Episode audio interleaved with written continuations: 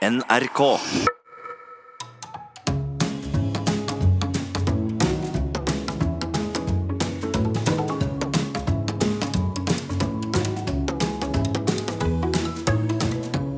Hjertelig velkommen eh, til Sånn er du, hvor Nils Brenna Hei.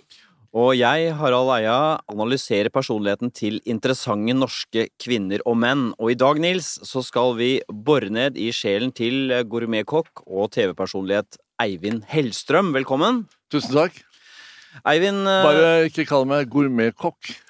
Hvorfor ikke? Nei, fordi jeg er ikke det. Jeg er kokk. Jeg behersker alle kunstens uh, Ja. Eller kokekunstens uh, nivåer og regler. Ja, fordi- Også, jeg er ikke gourmet? gourmetkokk. Gourmet Akkurat. så det er gourmetkokk er en nisje Ja. innenfor Ja, kokkefaget. gourmet er forferdelig. Men du behersker det også? Absolutt. Ja. Så hva, gourmetkokker, så hva er det ikke de får til? De får ikke til eh, lapskaus, liksom? i- i- Ja, helt riktig. Eh, Lapskaus og kjøttkaker, det fikser ikke de. de. Den nye, moderne kokken med, som er veldig god til å tatovere seg, Ja. Eh, De fikser ikke den gamle, eller den klassiske kokekunsten. da. Fordi kokekunst handler om å eh, rett og slett forvandle råvarer til å bli eh, både spiselig og eh, i beste fall eh, spiseopplevelse. Ja. Ja. Smak. Kunne du, kunne du tatovert deg? Eh, nei. Ikke jeg heller. Ikke du, Laron? Nei. Hvis vi følger da bokserens Mohammed Alis eh, frukt- og nøttebaserte personlighetssystem, så Ja, han har nemlig laget et sånt system, og, og han klassifiserer mennesker ut fra om de er harde utenpå eller myke utenpå, om de er harde inni eller myke inni. Og da kan det enten være et granateple. Da er du hard utenpå og hard inni. Du kan være en eh, valnøtt. Da er du hard på utsiden, ganske myk inni. Du kan være en sviske, myk på utsiden, men hard inni. Eller du kan være en drue, Mm. hvor du er myk utenpå og myk inni. Og det, det de fleste har vel lagt merke til med deg, Eivind, er at du kan være ganske hard eh, utenpå, men Mm. spørsmålet er om du er et granateple eller en valnøtt, og det er det vi skal finne ut i dag. Ok. Vi begynner med eh, det ytre skallet, altså det, det første man eh, møter når man treffer et annet menneske. Det er det personlighetstrekket det er lett å legge merke til. Og la oss da dykke ned i Eivind Hellstrøms score på personlighetstrekket ekstroversjon. Ekstroversjon, det er jo eh, denne energien man både får og gir. Det er jo den kraften i en selv, Nils, som dytter oss mot ting. Mot mennesker. Mot opplevelser. Og Eivind, eh, du er jo ny her, men jeg forklarer opplegget. da, altså Ja. eh, Fem personlighetsdimensjoner, men hver personlighetsdimensjon har en rekke underdimensjoner. Mm. Og der ofte snadderet ligger. Og vi skal begynne med en underdimensjon eh, under ekstraversjon som heter aktivitet. Altså livstempoet. Behovet for å holde seg aktiv og sysselsatt. Ja. Og den energien man har også, kan man si. Og en eksempler på folk som scorer høyt her, Nils. Ja, Ganske åpenbart Petter Stordalen. Mm. Uh, Ingrid Lorentzen uh, og Trond-Viggo Torgersen. Uh, folk som scorer lavt, som er litt lavere på energien, er Odd Nordstoga, Lars Lillo Stenberg og Are Kalve. Energisk. Ja. Veldig. Det er riktig. Veldig tydelig. 68 er tallet. Det minner om scoren. 50 er snitt. Mm. 60 er ganske høyt. Eh, 68 nærmer seg Det er sånn 2 høyeste, faktisk. Så veldig, veldig tydelig. Men eh, hvordan er det for deg med litt sånn, hva skal jeg si, eh, langsomme folk? Nei, langsomme folk, det er det verste jeg vet. Fortell. Nei, nei, men langsomme Altså både snakke langsomt, Ja. bevege seg langsomt, øh, øh, gå langsomt øh, Nei, det, er, nei, det funker ikke. Det blir, Altså, altså, du, men veldig mange syns det er behagelig med mennesker Ja. som tenker seg om, ja, snakker jo, jo, jo. Det kan sant? du si. En, en eh, Ja. filosof eller poet som Ja. veier sine ord, men Ja. da, da kjenner du at da Nei, det får være grenser for Er det noen folk som du kjenner som, som du ser fra Langsomme? offentligheten som snakker sakte? langsom. Mm. Og både prate og gå, Mm. og bevege Ja. og, og, gjøre, og utføre. Ja. Nei, eh, den første jeg kom på, er jo eh, Truls. ja! Så han Truls er langsom? Svendsen. Nei, han er langsom der hvor han skal eh, Der hvor han ikke skal være langsom. Der. Og så er han uh, veldig uh, kvikk eh, der hvor jeg syns det er meningsløst, uten at jeg Altså, han elsker jo å opptre Ja, eh, på scenen. der er han kvikk. Ja, jeg skal ikke snakke så mye om Truls, Nei men eh, han det, når jeg sier det er første jeg kom på, så handler det om at vi har spilt inn ganske mange eh, programmer. Mm. Truls Salah Hellstrøm, og han skal bli eh, god på kjøkkenet og alt der. Eh, han blir jo ikke god, fordi han er langsom. Men, men gjør Men han han- seg til, eller er han bare treig? Nei, han er uh, i, uh, i bunn og grunn ganske treig. Men Hva, hva går det på at han Nei, han er lat. Men når han skal på kjøkkenet og, Ja. og være litt sånn rask i bevegelse og Ja. koordinering og sånn, skjærer det seg da, eller? Ja, han eh, sier jo alltid at han ikke får noe eh, opplæring. Og jeg, jeg, er jo, jeg tenker på meg selv som verdens beste pedagog. Eh, men når jeg sier at han er lat og langsom, eh, så har det faktisk også en stor positiv innvirkning på meg. Ja, Fordi Nei, jeg går jo rett på sak, og det er ikke alltid jeg tenker meg veldig godt om. Men han har jo fått frem humoren i meg, og den har jo ligget lukket i eh, en, eh, halv, eh, et halvt liv. Ja, okay. Eh, og i bunn og grunn så er jeg jo en humoristisk type. Og elsker humor, det har jeg fra oppveksten. Og så kom jeg inn i voksenlivet og inn i ansvar og fandens oldemor. Eh, eh, arbeidsgiveransvar, styre folk, eh, lederskap, eh, prestere, Michelin-stjerner, gudene vet. Men hva er det Truls har gjort? Hvordan han, Jo. hvordan han fått det til? Nettopp. Det er, han, har, han har denne godheten i seg. Ja. Uh, og det er den godheten som, uh, som uh, rett og slett har en terapeutisk virkning på meg. Og vi kan le, og vi kan gapskratte sammen, og, og det er utrolig trivelig. Så det er For meg så er det en uke med, med Truls, det er ren terapi. Eh, Truls på sin side, han sier at uh, når han har vært sammen med meg en uke og, og no, noen dager på kjøkken, så må han gå i terapi. Men eh, terapi, altså da, da føler du deg liksom helere og bedre? Er det Ja, eh, jeg føler meg tryggere, både på meg selv og, mm. og den der biten med humor som jeg tenker er utrolig viktig. Og det får meg også til å tenke på at de viktigste tingene i livet det er selvfølgelig kjærligheten, men det er, eh, og det er maten, fordi det handler om å spise og drikke eh, riktig. Både for kroppen og for humøret. Og så er det den siste delen som eh, Eller den tredje parten, som er humor. Mm. Hvis man ikke har humor, så er man død. Mm. Rett og slett. Og det er det som er det fantastisk med Truls, at han har fått frem den der humoren i meg på nytt. Mm. Og jeg har takket ham mange ganger for det. Jeg kan takke ham en gang til. Så deilig, så bra. Det er fantastisk. Men er det mange treige kokker, eller? Eh, ja. Uh, absolutt. Ja. Uh, langsomme, men det er også utrolig mange flinke. Det er det. Ja, Så du kan være langsom og flink. Nei. Ja, nei, vanskelig. Ja vel. Nei, du kan ikke være På, på, på restaurantkjøkken kan du ikke være langsom og flink. Nei. Jeg vet jo fra komedie, som jeg har holdt en del på med, at når man får opp tempoet, Ja. så blir også kvaliteten høyere. Du får et sånn høyere presisjonsnivå av å få opp farta og lage mye, men i de periodene hvor det er rolig og man har god tid, så synker kvaliteten merkelig nok. Det er ikke så rart. Det skjønner jo det. Altså, man må jo opp på et nivå. Jo, men hastverk er lastverk, heter det jo. Men Ja. det stemmer ikke med mine erfaringer. Ikke, ikke i mitt system. Og Så- helt sikkert ikke dit heller. En middag som du bruker to Når du sier at du bruker to-tre timer på å lage mat hjemme, eksempel. Ja. Hvor lang tid vil en eh, langsom person bruke på det? Ja, I hvert fall fire. En langsom person ville ikke gått i gang i det hele tatt. Rydder du underveis når du lager mat? Hele tiden. Ja, du gjør det. Jeg må ha eh, utrolig eh, orden rundt meg. Jeg rydder og rydder og rydder. Hele tiden. Hvor ofte slipper du kniven? da? Hele tiden. Ikke hver dag? Jo, jo. Jeg har jo sånn uh, Så du bare, sånn, jernstang, Stål, altså? stål uh, kniv, Ja. Knivstål. Som du bruker hele tiden? Ja, hele tiden. hele tiden. Jeg kutter en løk eller to, og så bruker jeg stålet. Og Og så kutter jeg kjøttet, og Oi. så bruker jeg stålet. Og Hvor mange så... ganger drar du den opp og ned? Nei, to-tre ganger. Ja, holder. Ja, nettopp, ja. Det skal jeg begynne å gjøre når jeg skjærer meg en brødskive, og så slipper jeg stålet, og så på'n igjen. Du må ha en bra kniv. Ekstroversjon Nils, består jo mer enn av aktivitet. Det er flere andre underdimensjoner her. La, ta oss gjennom eh, hvordan Eivind Hellstrøm scorer på Ja. de andre. Ja, på, også Oppsummeringen på hovedområdet, eller faktoren ekstroversjon, der er du helt på snitt, faktisk. Tallet er 51. Mm. Eh, Du er da svært høy på aktivitet, som jeg snakka om. Så har du touch av høy på det som heter positive følelser, det vil si at du har en del begeistring i deg. Du blir glad av ting. Du Ja, absolutt. Veldig glad. Og så er du på snitt på selvmarkering, så du er ikke ekstremt dominerende hvis noen skulle tro det. Absolutt ikke. Nei. Ikke ekstremt lavt heller, bare for å ta det. Du er gjennomsnittlig.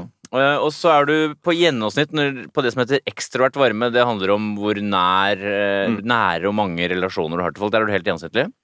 Så er du litt lav på sosiabilitet. Det vil si at du kan sikkert eh, være sammen med folk, men det, er ikke et ekstremt behov du har til enhver tid. Du kan tåle godt å være alene. Absolutt.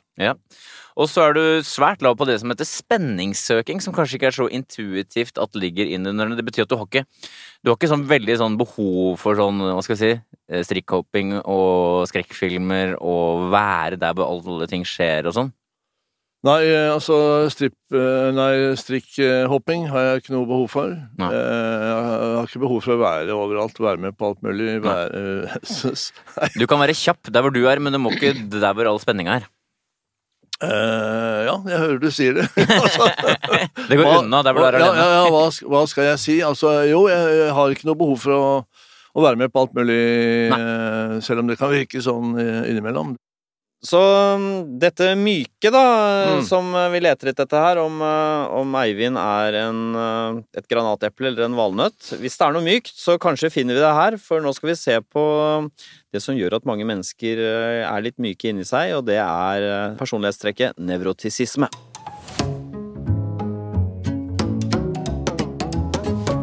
Nevrotisisme, det er jo negative følelser.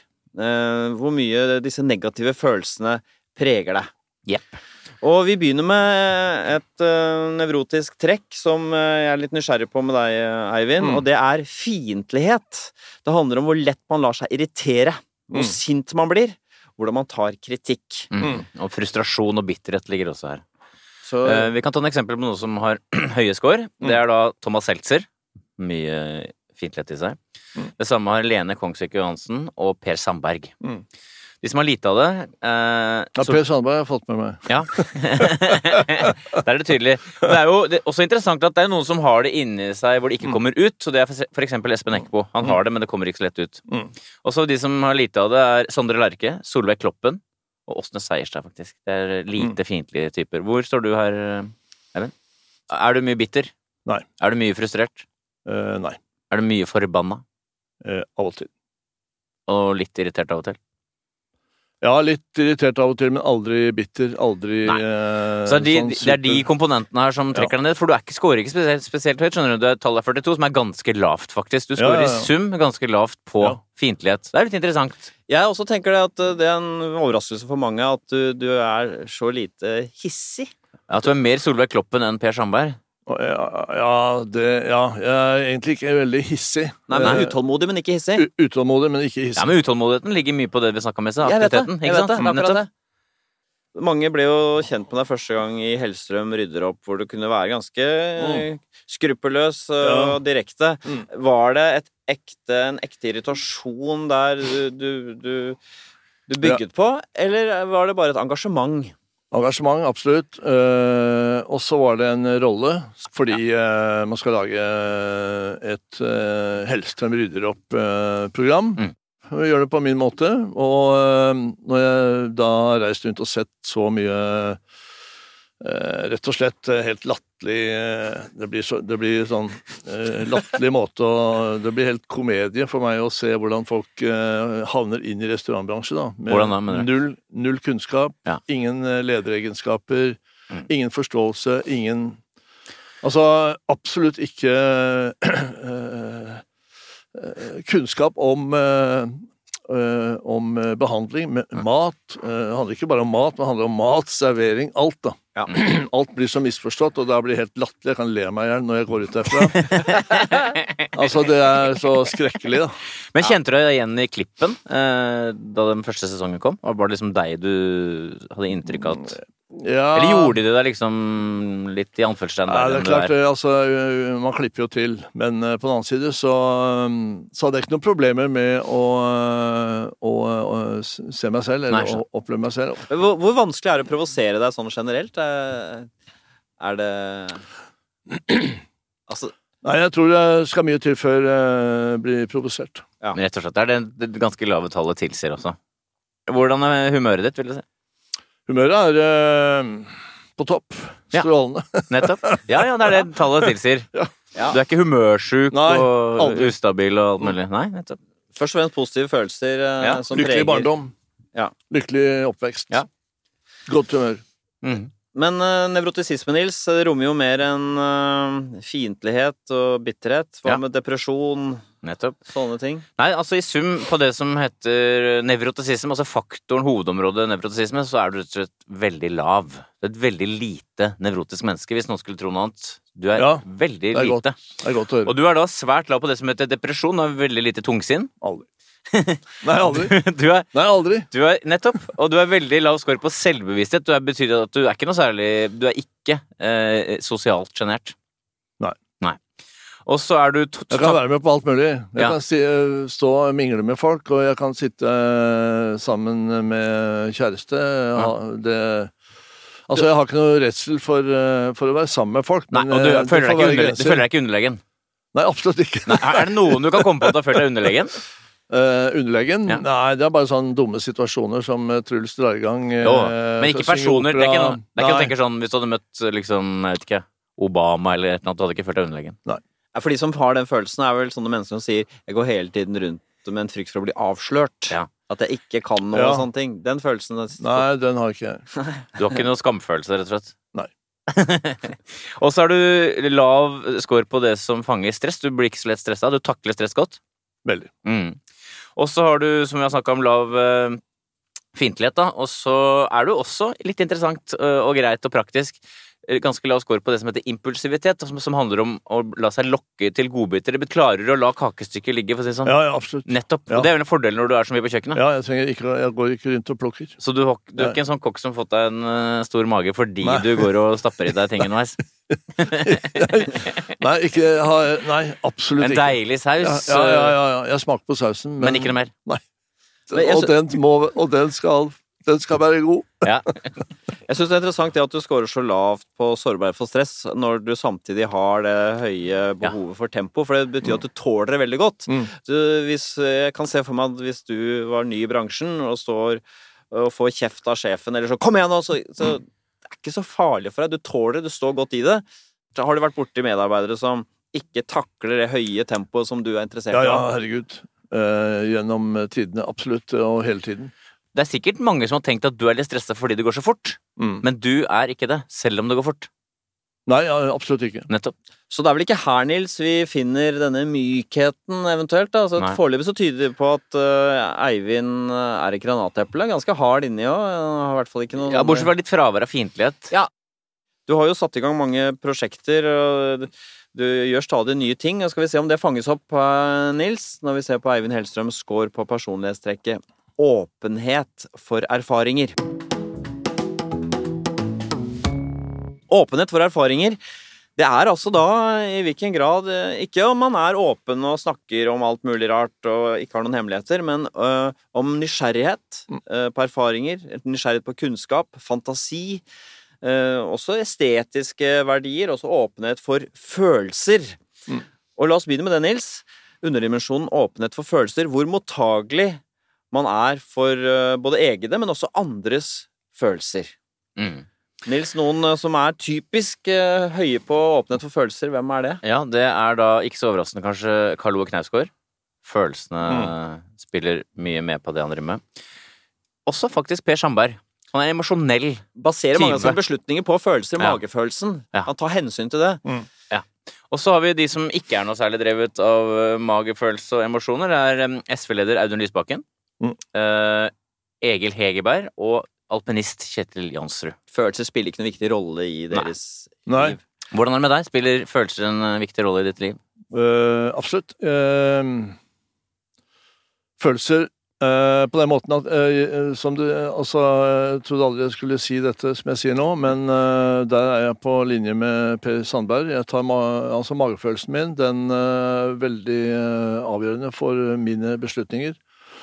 Har god feeling, og det, altså det er jo det det går på. Det Ja, er, og du har veldig høy score. Du har veldig høy score. Ja. Du har 72 innenfor 1 høyeste Mm. på dette her. Så selv og interessant, syns jeg.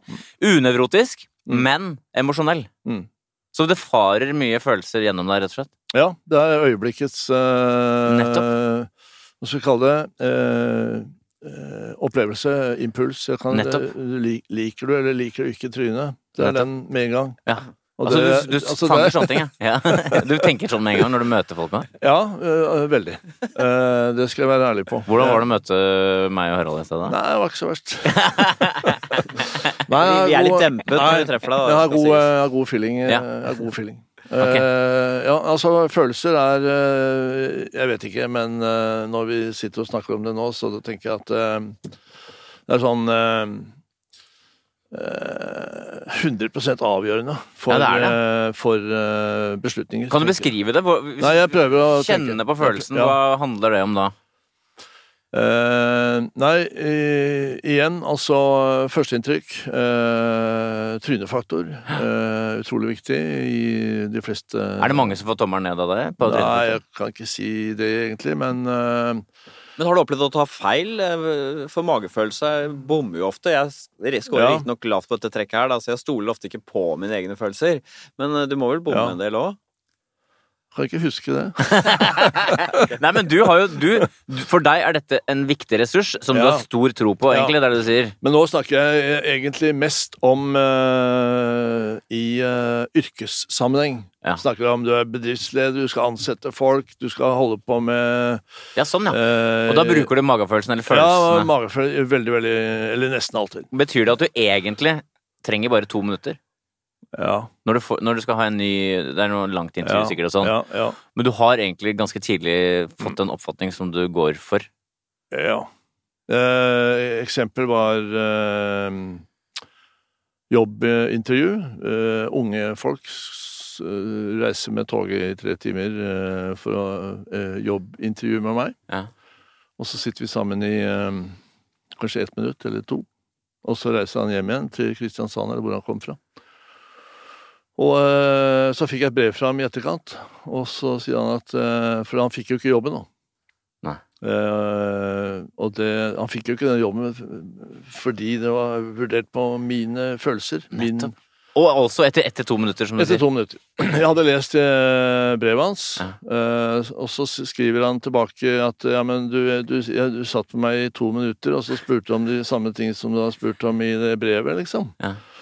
Ja, men uh, beklager. Uh, sånn er det. det han var jo dritsur. Hva skrev du tilbake da? Hmm? Hva skrev du tilbake? Nei, jeg skrev ikke tilbake. Nei. Han, uh, Ja. han skrev til meg. Ja, jeg skjønner. Du svarte så- ikke på den. Nei, så svarte jeg ikke på den. Men det tok, meg, det tok meg ikke to minutter, det tok meg 30 sekunder. Ja, nettopp. Så Ja. du ga han egentlig ganske mye tid. Ja, Fire ganger så ja, ja, lang ja. tid som du trengte. Men kan du ikke si litt, hva er det du plukker opp da? Hvilke, hvilke trekk, hvilke egenskaper er det du ser eller merker?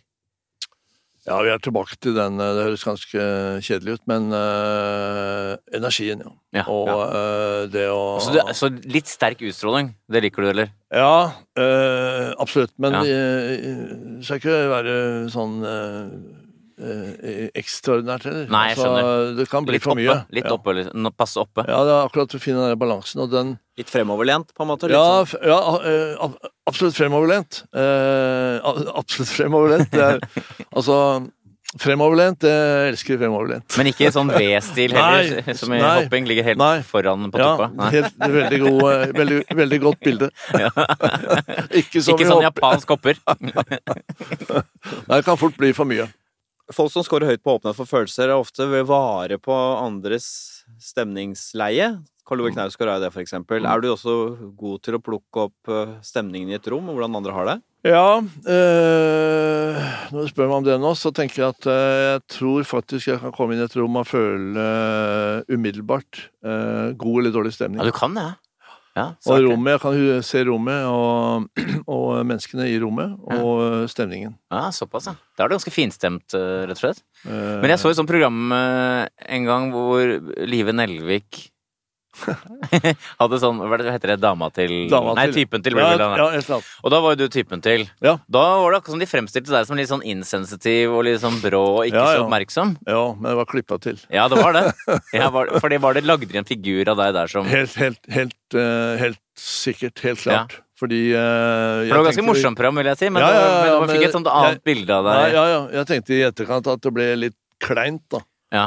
Eh, men herregud, altså Sånn er det jo. Det er jo eh, Altså, Live hun er jo uh, vidunderlig jente, hun. Ja, ja. Og jeg hadde ikke noe problem med henne i det hele tatt. Men ja. hun prøvde jo hele tiden å finne på uh, Ja. ting rundt meg som, uh, som de kunne klippe, klippe til. Nettopp. Så hvis, hvis folk hører dette her, gå i nettspilleren til NRK, se det programmet, og se vite at det ikke er helt riktig. Ja, for det var en situasjon der hvor eh, det, det, det vel virker som om du ikke helt hører etter hva hun sier. Hun kommer med noen innspill og sier ja, ja, ja, ba, ba, ba. Ja, ja, det, jo, jo, men det er jo for så vidt Jo, jeg kan være med på det, da. Nå er du langsom. Nå, Ja, ja, Ja, for det var det jeg tenkte nå. Ja, la oss komme Ja. videre, Ja, liksom. kan jeg spørre om en ting? Eh, Du er, er det 70 år? Er det det, det? Er, er det mange jevnaldrende som er litt trege for det? Absolutt. Det er det? Ja, de, er, de, de fleste, er det ikke det? Ja. Nei, men det må jo være, når det er så vital, da, for å bruke det uttrykket, Ja. så må du jo oppleve at folk Ja. som er på din alder, er litt trege. Ja, det er mange, mye trege folk. Ja. Det er mange trege. Men jeg har en bror som er to år eldre, Ja. eh, og det er jo alltid en fordel å ha en bror som er litt eldre. Eh, Fordi eh, uansett eh, så har jeg alltid følt meg som den yngste. ja, sånn. Både i skolen og i forhold til han, Ja. og i jobbsammenheng. Og alltid, jeg har alltid følt meg som den yngste i verden. Ja. Så identiteten din er som den yngste? Ja, fordi ikke sant, når jeg gikk på skolen, ungdomsskole, så var jeg jo Eller jeg er født i desember, og Ja. det er, da ligger man jo ofte Ja. ett et år etter. Gjør det. Uh, og eh, som jeg sier, jeg har en bror som er uh, to år eldre. Ja. Og uh, han kan jo alltid spørre hvis det er et eller annet. Men er han like kvikk som deg, eller? Ja, han er kvikk. Han er det, er, det er det jeg vil si. Ja. Han er, han er kvikk. ja. Han er en smart type, ja. og kan gå litt langsommere. Riktig. Eh, han går litt langsommere, men Ja. nå, det skyldes at han uh, ramla og fikk en eh, skikkelig smell på låret. Og så måtte han gå med krykker og sånn, så han holdt på med det noen Hva driver han med, eller hva drev han med? Nei, han var i, uh, sjef i eh, Eller han var administrerende i VPS. Ja, okay. Altså Ja, Verdipapirsentralen. Vi har bare lyst til å oppsummere denne åpenhet for erfaringer, fordi det er jo da i alt i alt seks underdimensjoner. Vi har bare snakket om åpenhet for følelser, men eh, hva med åpenhet for eh, estetikk, Nils? Hva med fantasi? Hva med handlinger? Ikke sant? Altså I sum på åpenhet så er du ganske høyreslått. Du er et åpent menneske.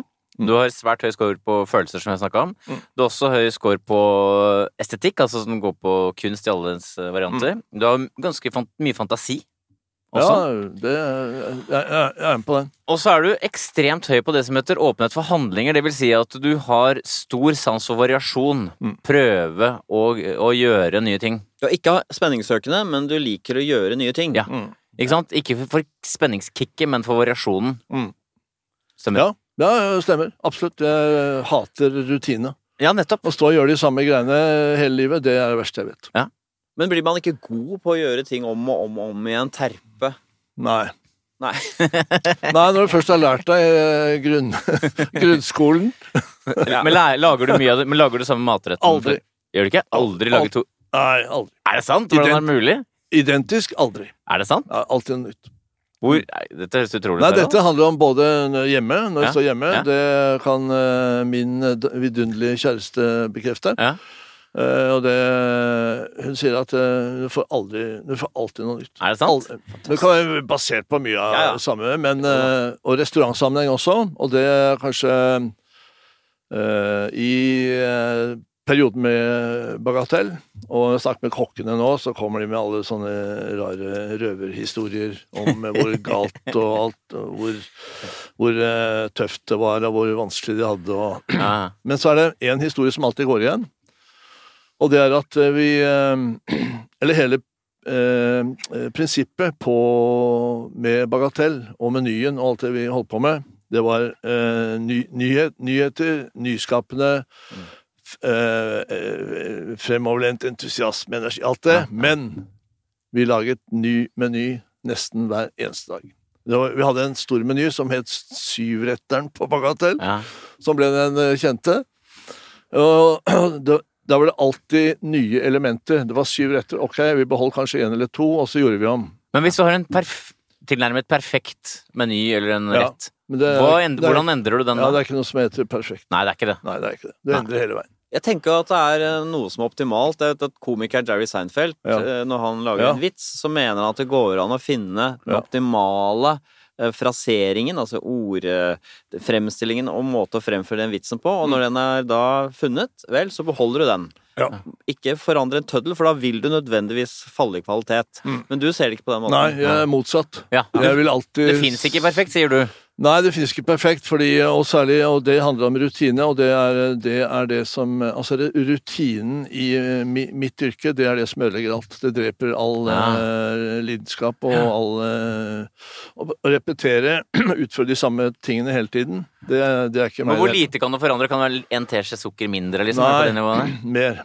Mer? Forandre mer. ja, ja, jeg forandrer mer her. så. Ja, droppe sukker. Så du er mer som Du er ikke så mye som bakemester Harepus, du er mer som bakegutt som prøver å Nei, men jeg, jeg, nei, som jeg sier, jeg har uh, grunnfjellet, Ja. grunnskolen, prinsippene, Mm. basen, alt. Mm. Uh, og endre på den, men ikke, ikke endre for å eh, bare for å endre Nei. og finne på noe nytt, Nei. men for å eh, perfeksjonere. Ja. Men samtidig så sier jeg at eh, det perfekte, det eksisterer ikke. Nettopp. Så da, da kan du også være i bevegelse hele tiden, da, så lenge det perfekte ikke finnes. Ja, egentlig. ja, det er akkurat det. Vel, eh, du er eh, åpenbart et åpent eh, menneske, Eivind, men man kommer jo ingen vei med å hele tiden prøve nye ting og være en eksperimenterende type. Man må også ha noe metodikk i bånn, og la oss se, da. Eivind Hellstrøm, scorer han høyt eller lavt på personlighetstrekket planmessighet?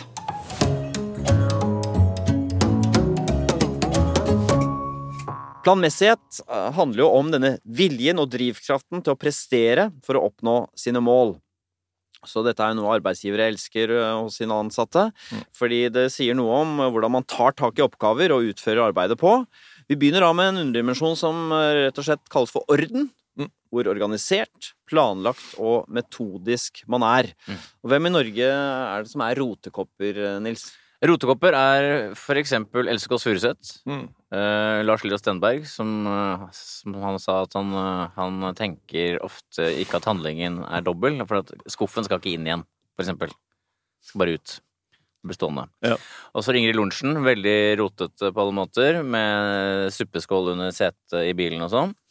Og de som er strukturerte, igjen Per Sandberg, veldig strukturert. Skjellekanter, Trond-Viggo Torgersen samme, som har én nøkkel som går til mange forskjellige steder, for eksempel. Og Siv Jensen, Mm. orden i sysakene. Hvor er du her? Jeg er eh, Jeg elsker å ha orden eh, rundt meg selv, Mm. men jeg er ikke Altså, jeg er ikke eh, eh, nazi på det. Nei, dette er godt oppsummert det tallet du har fått. 60, som er ganske høyt. Du er ikke, for å bruke ditt ord, Ja. du er ikke nazihøy på dette. Mm. Men tydelig høy, da. Jo. Hvordan er det arter seg, da, denne strukturen og orden? Orden, altså orden At det er ryddig og greit, og at man slipper å snuble inn i sin egen leilighet og sånn.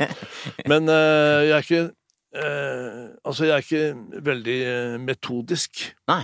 Nei. Altså, jeg legger ikke opp til noe metodikk. Nei, nettopp. Så du har ikke lister og sånn, eller? Nei. Nei, nettopp. Eh, lister, hva tenker du på? Nei, at To do-lister og Nei. alt mulig sånn? nei, Men mister du ofte ting? Altså nøkler, mobiltelefon? Nei. Aldri nøkler. eh, glemmer eh, lite. Ja. Altså, glemmer ikke Å, faen, nå glemte jeg husnøkkelen, liksom. Nei, nei. nei. Så hva skal vi si, Nils? Er Eivind Hellstrøm et planmessig menneske? Han har interessant uh, sammensetning her, fordi at på eh, samleskolen på planmessighet er på snitt. Uh, men du har, du høy score på selvdisiplin. eh, du har høy score på orden. Eh, men det som er interessant, er vel at du har spesielt lav score på det som er prestasjonsdrevet. Det vil si, er du ikke ambisiøs? Nei. Nei, du er ikke det? Nei, eh, ikke ambisiøs. Jeg har ikke den eh, at jeg må eh, Altså, jeg skal, eh, jeg skal bygge det slottet, jeg må Skal bli verdens beste kokk? Du har ikke tenkt sånn? Nei, al aldri. Nei. Jeg tenkte, når vi startet uh, Bagatell i sin tid, så, så eh, hadde jeg ikke den eh, driven som Eller jeg hadde masse drive, det er ikke det, men jeg Nei. hadde ikke ambisjon om at ah, vi skal bli verdens Nei. beste restaurant og skal så... ha tre stjerner i Michelin og alt det der. Overhodet ikke. Det eneste fokuset mitt, det var at nå må vi gå inn og lage eh, lage produktet. Altså, vi skal, eh, vi skal være verdens beste på produktet. Vi Ja. skal sørge for at de som kommer her Ja. og legger eh, 1000 kroner på bordet, De skal få en opplevelse. Men det hadde aldri Eller det handlet aldri om eh, å bli eh, eh, verdensmester. Nei, du kikket ikke inn i horisonten og pekte Nei. langt frem, du bare løste det der og da løpende.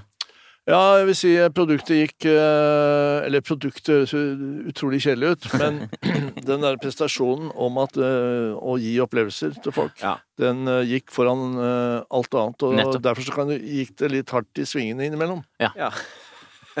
Og så er du, scorer faktisk ganske lavt på betenksomhet, det vil si at du kan ha gjort en del dumme ting opp igjennom. Absolutt. Eksempel nummer én. Nei, koner. Koner, Ekskoner. Ja. Uh, kjærester. uh, dumme ting. Hva da? Gått inn i ekteskap uten Mm. å tenke deg ordentlig nøye gjennom? Er det du mener? Eller, eller mener du gjort dumme ting i ekteskapet? Jeg, jeg Jeg bare tolker hørte måten du, Harald stilte det spørsmålet på. Skikkelig Jeg- inkvisitorisk. Jeg tolka det mer som at du har gjort dumme ting i ekteskapet. Ja, det kan du godt si. Hvor mange Også- ganger har du vært gift? Nei, to ganger. Og så har du hatt kjærester i tillegg, da. Ja, to To i hvert fall. Ja. To samboere eh, i, i kort og, og Kort eller lang tid. Ja. Vi var jo gift eh, med Hege, som hun heter, eh, i eh, Ja, hvor lenge var det? 14 år, kanskje? Det var såpass Ja, lenge. 12 eller 13, Du har ikke barn, har du? Nei. Barn har aldri blitt noe barn. Nei. Men ja, det, det skal jeg si med hånden på hjertet. Jeg har prøvd. Du har det. Du har det. Så du har villet ha barn? Nei, jeg har ikke, hatt, jeg har ikke gått med og tenkt som eh, Mohammed Ali at eh, I'm the greatest, jeg skal ha Nei. åtte barn. Men du hadde lyst på barn? Ja, altså. men jeg jeg har egentlig aldri Egentlig aldri tenkt veldig mye på det. Nei. Eh, Jeg har gått i ekteskap. Eh, Man møter eh, kvinner i sitt liv, eh, den man tror er det. Og gjort dine ekteskapelige plikter? Og gjort med plikter, selv om det ikke føltes som plikter verken der, der og da. Men, og det er derfor jeg sier at jeg har prøvd. Ja. Så ikke kom og fortell meg at jeg, fader, hvorfor har du ikke fått noe barn? Men er det en Ja. sorg, eller at du ikke har barn? Nei, absolutt ikke. Jeg går ikke. jeg går ikke rundt og tenker på aldri, blir aldri deprimert og tenker at herregud, nå har jeg le, levd et langt liv og aldri blitt pappa, liksom. Nei. Det går an å ha gleder i livet allikevel, si. Når vi snakker om barn, så, så har jeg vært eh, Eller eh, kommet til den uh, situasjonen uh, i, i livet at jeg har fått en bonussønn Ja, det leste jeg om her. som heter Nils. Ti år. Ja. Og, og det er jo en fantastisk opplevelse. Ja. Og at du får liksom ferdig, Ja. ferdig utvikla. Og med in- intelligent og, og smart type som eh, faktisk eh, Altså, vi eh, Han er en utrolig Han sier til meg Han sier mye rart, Ja. men har et ordforhold som, som en voksen person. Og så sier han at vi driver noe putekasting innimellom. Og så sier han at Eivind, er, er det mulig å, å, å være 70 og være så barnslig? Men det er gøy med tiåringene. Er sikkert ikke så treg heller, som en del andre folk er. Nei, han er utrolig kvekt. Ja. Altså, jeg elsker ham. Nettopp. Han er fantastisk. Han ligger alltid foran eh, de fleste Ja. i både tanke og uh, Handling. Jeg har lekt, Ja, eh, handling. jeg har lekt gjemsel med han, Nils. ja, han, Har du? Ja, veldig kjapp Ja, ja. og god. Han, Han er er Jeg skal vi leke gjemsel? Ja! Og så bare pilte han av gårde før jeg fikk uh, telt. Ja, ja. Han syns jeg er en jævlig sta kokk, da. Så han står på kjøkkenet og sta og vanskelig og kommanderende. Vel, vi har jo jaktet på eh, Eivind Hellstrøms mykhet, og det er kanskje Hvis vi skal finne Nils, så må det være neste personlighetstrekk for å finne ut om han er en valnøtt. Riktignok en eh, fersk valnøtt, viktig å understreke det, selvfølgelig, for hvis ikke så faller jo helt det bildet. Eller om han, eh, hvis vi ikke finner noe, om han er et granateple. Vi ser på Eivind Hellstrøms score på medmenneskelighet.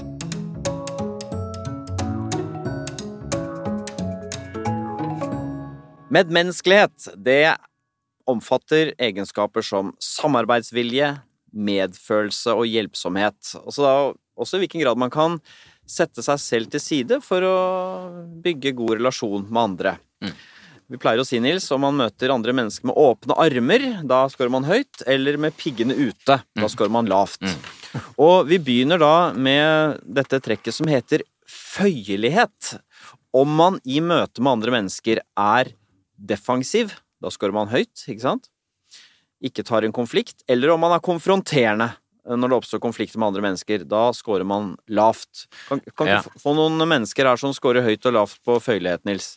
Ja, De som scorer høyt på føyelighet, er for eksempel eh, Sondre Lerche, eh, Bjarte Tjøstheim og Mari Maurstad. Eh, De som scorer lavt, som er ganske sånn konfliktorientert, er Anne Holt, Per Sandberg igjen, da, Fredrik Skavlan og Erlend Lo. Eivind, Mm. hvor står du? Hvor er jeg? Uh, jeg skaper ikke konflikter, Nei. men uh, uh, jeg går ikke Det handler selvfølgelig om i hvilken sammenheng man spør, da, om det er privat eller om det er jobb osv., men jobbsammenheng så tar jeg og løser problemet der og da. Hvorfor faen oppsto de greiene der? Ja. Dette skal vi rydde opp i med en gang. Ja. Vi skal ikke la det gå tre dager og sette oss ned i ro og mak og ta en kaffe og, eh, på rommet, liksom, og så si at ja, ja, ok, det skjedde og det Ja. ble sånn, men uh, eh, Og det handler om uh, yrket igjen, fordi når du driver restaurant, så er du uh, der som ballettdanserne, og du må ta den piruetten der og da, ikke sant? Og Ja. du, da kan du ikke komme i etterkant og si at nei, det ble ikke noe piruett i dag fordi jeg hadde litt vondt i beina. Men dette er interessant fordi at det, du beskriver nå, er en rett Altså det som heter rett fremhet, det å være direkte og ærlig, der scorer du høyt. Mm. Ikke sant? Ja. Men nå snakker vi om når, du, når det er friksjon Om å søke Mm. eh, friksjon og krangel. Gjerne ta en krangel. Om du øh... Jeg søker ikke friksjon. Nei. Jeg søker ikke Nettopp. konflikter. Og det er det interessante her, fordi at eh, bare for å liksom komme til kjernen av deg, så er det jo Du har masse energi. Du er rett frem, direkte og ærlig. Det kan gjøre deg litt skummel. Men samtidig så er du også eh, høy på føyelighet. Du er ikke en Du er ikke stridbar i den forstand. Nei, tilpasningsdyktig, kan Ja, jeg si. nettopp. Det er akkurat det. Du, du Ja. føyer deg mye mer enn i hvert fall det jeg ville tenkt at du gjorde. Mm. Har du vært føyelig i ekteskapene dine? Nei Jo, det har jeg på mange måter, ja. Det vil jeg si. Kvært friksjon, på en måte? At du har, du har kvelt friksjon? Du har feid ting under teppet? Du har liksom forsøkt- Ja, men jeg har øh, ja, øh, Altså, jeg har øh, vært føyelig i mange sammenheng, men så tenker jeg at vi kan ikke holde på sånn. Nei. Vi må gjøre noe.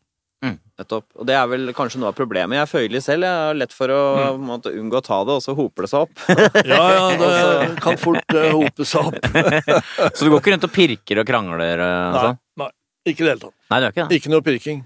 Nei. Så Nei. når- når situasjonen er en litt annen Jeg kan forstå på kjøkkenet, så må du lage noe der og da. Det er som å stå og operere på en pasient. du- Ja, ikke det er bra, bra bilde. Så da er det ikke så rart at man tar en fight, Nei. fordi det står noe på spill. Men sånn i hverdagslivet så er det ikke nødvendig å ta fighter hele tiden. Og det, Ikke i det hele tatt. Nei. Hverdagsliv øh, trenger ikke fight. Krangler du med kjæresten din, eller? Nei. Nei, gjør ikke det, nei. Nei. Gjør ikke du Harald så mye? Nei, jeg liker ikke det. Nei. Du kan være litt mer kranglete. Jeg, Jeg, jeg har krangla mer, oh, ja. Jeg kan like å pirke i ting og Ja. gjøre meg litt vanskelig og Ja. ta opp ting bare Ja. for å lage litt friksjon. det er moro, ikke sant? Ja. ja. Nei, Så- altså, det kan godt hende jeg var kranglete før, men uh, jeg tror ikke. Jeg, sånn i ekteskap og samliv og Det tror jeg har vært uh, veldig føyelig. Det kan- det, kan Det er interessant, at, synes jeg, at du øh, er det. Det synes jeg er interessant at du er det. Ja, det kan godt hende at uh, ekskoner og ekskjærester uh, sier det motsatte, men uh, jeg vil påstå at jeg har vært føyelig, og selvfølgelig selvfølgelig snill og god og Ja, ja. Nei, men det er interessant, da, fordi Mm. ikke dette, jeg tenkte på forhånd at du både hadde en del fiendtlighet, Mm. og at du var litt lav føyelighet, men du er jo motsatt. Og det som kommer med deg, eller sammen med deg, det er jo mer fart Mm. og direktehet. Men Ja. ikke krangle, Ikke og, irritasjon og sånn. Nei, krangling er det dummeste jeg er på. Ja, nettopp. Så dette har vi funnet den første mykheten, Nils. Ja. Eh, Så foreløpig så styrkes valnøtteorien, men eh, vi får jo se, da. Det er jo flere underdimensjoner her. La oss se på den ferske, den ferske ferske. Vi må understreke det, ikke julenøtten. Vi må se på underdimensjonen okay. empati.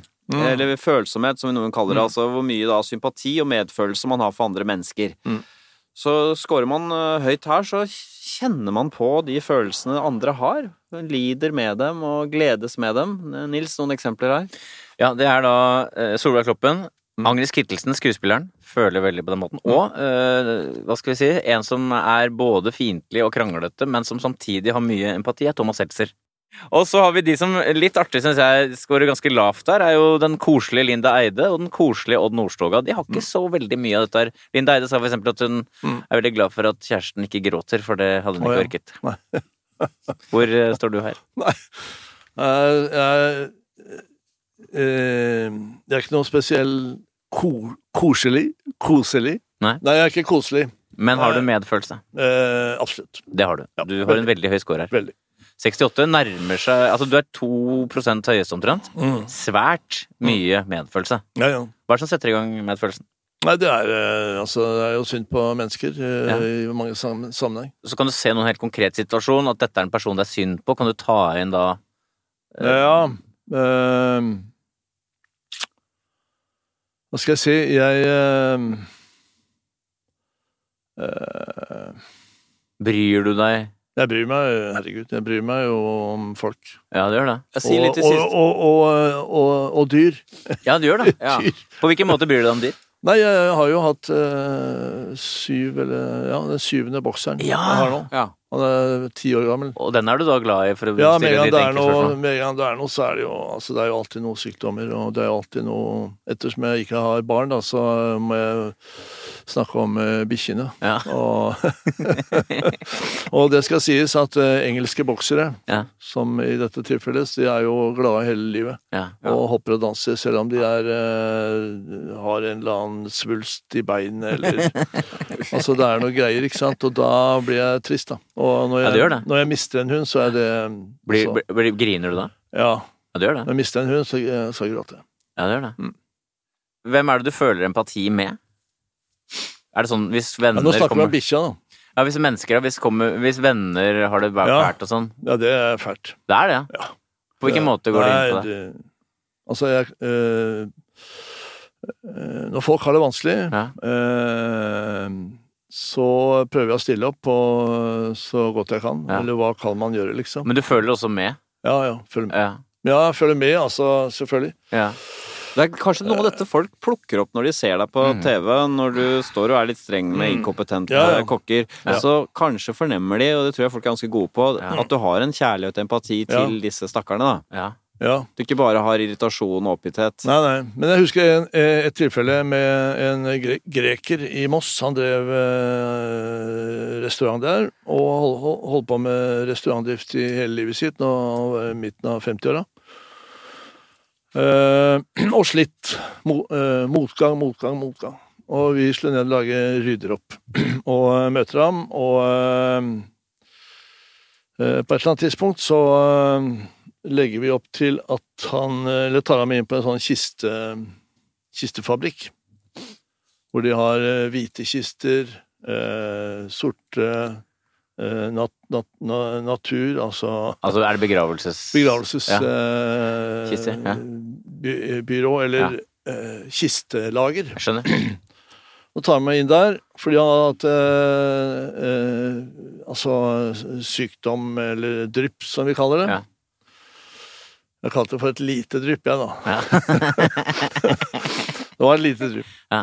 Eh, Så sier jeg til ham at hvis du skal fortsette sånn som du gjør nå, Ja. så kan du eh, se for deg eh, snart en kiste. Ja. Så da kan du velge om du er hvit, svart eller nat Ja. natur. Jeg tok den helt dit, jeg. At, Ja, eh, og da det var Ok, det var uh, uh, å ta det ganske langt. Mm. Det, ja, virkemidlet var sterkt. Ja. Og han tok det i seg, og så umiddelbart etterpå så har jeg lagt opp et løp hvor han møter datteren sin, som også var med i restaurantdriften. Og hvor jeg stiller opp og lager en uh, gresk middag for ham Ja. ute på Jeløya utenfor uh, Moss. Ja. Uh, og som hadde gresk et gresk kulisse, da. Ja. Og grilla fisk og alt det. og serverte med vin og fantastisk måltid. Eh, og så, i etterkant, så eh, Når jeg snakker med ham, eh, altså bare noen minutter etterpå, så kommer han bort til meg, og så tar han rundt meg, og så gråter han. Ja. Og så sier han ehm, Aldri har noen laget mat for meg. Nettopp. Og det rørte meg. Det rører deg nå òg? Ja. ja. Du har tårer i øynene, kan jeg si, se. Ja, veldig. Ja. Fordi da tenker jeg at ok, eh, det er greit at han opplever da sånn For første gang er det noen som har brydd seg på den måten Mm. som jeg gjorde. Mm. Og dette var jo selvfølgelig planlagt fra vår side. Mm. Altså, vi hadde jo laget det, den settingen. Det var ikke noe som jeg fant på der og da.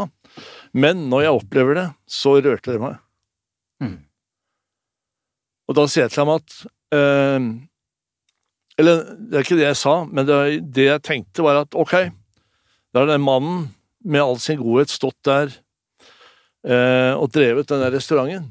Eh, i, og flere restauranter, men aldri lykkes med noen ting. Mm. Og da tenkte jeg, tenkte jeg for meg selv at ok, jeg har drevet denne restauranten, holdt på med restaurantdrift et helt liv, men forskjellen er at jeg har lykkes. Mm. Jeg har fått til greia. Han har mislykkes. Økonomiske problemer. Eh, alt i etterkant, eh, på alle mulige måter. Eh, fysisk sliten, alt der. Og det rørte meg. Det var sånn.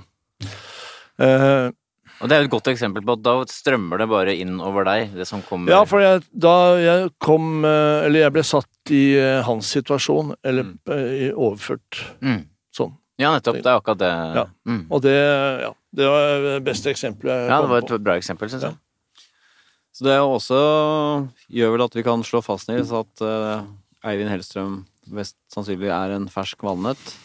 Det er riktig. Begynner å nærme seg. Og det, hvis vi oppsummerer eh, medmenneskelighetsfaktoren, så eh, har du også fått en score på den faktoren som er eh, 75. Det vil si godt innenfor 1% høyeste på medmenneskelighet. Og da, da er det valnøtt.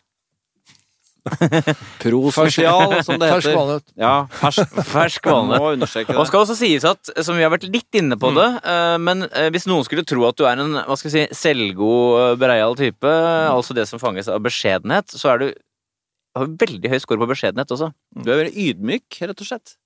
Ja. Du er ikke en storskrytete, Nei, nei, nei. breial Nei, eh, ikke i det hele tatt. Nei, jeg er ydmyk, og Ja. kan jeg si jeg er ydmyk eh, overfor folk eh, flest, eh, Ja, fordi vi har eh, våre liv. Ja. ja. altså eh, Vi er alle Vi står i alle forskjellige situasjoner. Du tenker ikke at her, Og da er det tilbake til den der I am the greatest og Ja, jeg jeg. Der er du ikke. Mm, ikke. Absolutt ikke. Du er ikke med medalje på det området. Nei, nei, nei, ikke i det hele tatt. Og tenker ikke at du er bedre enn andre, at uh, i liten grad gjør du det. Kanskje på, akkurat på fagfeltet. Jo, jeg kan godt si at uh, jeg er mye bedre enn dere, liksom, i forhold, men det går på fag. Ikke sant? Sånn, ja. Men ikke, ikke den generelle generelle følelsen. Nei. Nettopp. Og fag, det er fag er fag, liksom, og det, det har, har egentlig ikke noe med med eh, hvordan man lever, og hvordan man har det sammen med folk. Fordi det er Ja, det er to forskjellige verdener. Og så er du jo du er veldig lite kynisk. Du er, høy, du er, høy, du er tillitsfull. eh, du er lett å forholde deg til. eh, du er hjelpsom. eh, du er føyelig. Du er beskjeden, og du er empatisk. Makan til ålreit fyr. Er mulig. Det er nesten så det ikke burde komme ut. Det ødelegger jo litt dette bildet du hardnakket forsøkte å skape. Jeg, jeg beklager. Vel, da har vi gått gjennom eh, alle fem dimensjonene. På tide å oppsummere. Hvem er nå dette mennesket Mm. Eivind Hellstrøm? Ja, Nils. eh, Vi har vel alle sett for oss Eivind Hellstrøm kommer nedover gata. En Mm. irritabel, kranglete type. Men eh, det, ikke, det stemte ikke, det, Nils. Nei, det stemte ikke i det hele tatt, gitt. Han, kom, han, kommer, og kommer fort, og han er direkte, men så er det så mye annet mykt som følger med. Så det er da denne det ytre skallet ditt er dette direkte, voldsomme, rett frem øh, ja, høye tempoet, stilen din, men så er du da en følsom og veldig lite sint og veldig lite kranglete type. Veldig, veldig søt mann. Kan si det? Eivind. Sweet. Det trodde jeg aldri jeg skulle høre. Men er, du, du, du er tenker du, du tenker ikke på det, men tror du at kjæresten din tenker at du er søt? Ja, kanskje ikke søt, men eh, jeg tror kanskje at eh, hun tenker at eh, jeg har eh, Ja, altså tilbake til den der energi, og at jeg er foroverlent og vil Ja. noe, og, og prøver å lage god stemning. Men er det mange som vil bli overraska over disse, disse tingene vi snakker om nå? Er det mange som vil bli overraska over det? At du er så Helt sikkert. Ja. Ja, helt klart. Men jeg kan si eh, Jeg vet ikke, men Uh, eh, Det handler vel kanskje om at eh, det er fint å ha et eh, hardt skall rundt seg. Men et skjold på mange måter, ja. Det er Ja. forsvar. Ja, men trenger du det skjoldet Nei, egentlig? eh, nei. Du er så robust og alt, ja, ja, ja. Eh, Det, kan, det er bra du sier nå, fordi det var på tide at noen sa det. For trenger jeg det skjoldet? Nei, jeg trenger ikke i det hele tatt. Nei, så herved Herved over. i skjoldet Ja, men, Ja, men, men tenker du at du har et skjold? Egentlig. Nei, jeg tenker egentlig ikke. Men, er det, men det man eventuelt ser av deg som ikke stemmer med dette, er det en rolle du spiller? Nei. Det er ikke det. Nei, det spiller ikke noen rolle. Og jeg tror at øh, Ja, vi kan drive og si at øh, det skallet, den fasaden du har Ja, ja, lagt deg ja. til, at vi kan kutte ut den, Men jeg tror også det er nøkkelen til at folk er så fascinert av Eivind Hellstrøm. Fordi alle som skal lage en interessant karakter i en film, lager jo ikke Snøhvit som bare er snill og god og mild hele Nei, nei. fra morgen til kveld. Nei. Nei. Det er at man oppdager at bak den tøffe Nettom. stilen, så er det et godt menneske, og det er Men så kvitter du deg med den tøffe stilen, Eivind. Da får du nok bedre med deg selv, men da blir folk mindre interessert i deg. Ja, ja. ja, det er vurdering. Takk for at du kom og takk. delte. Tusen takk.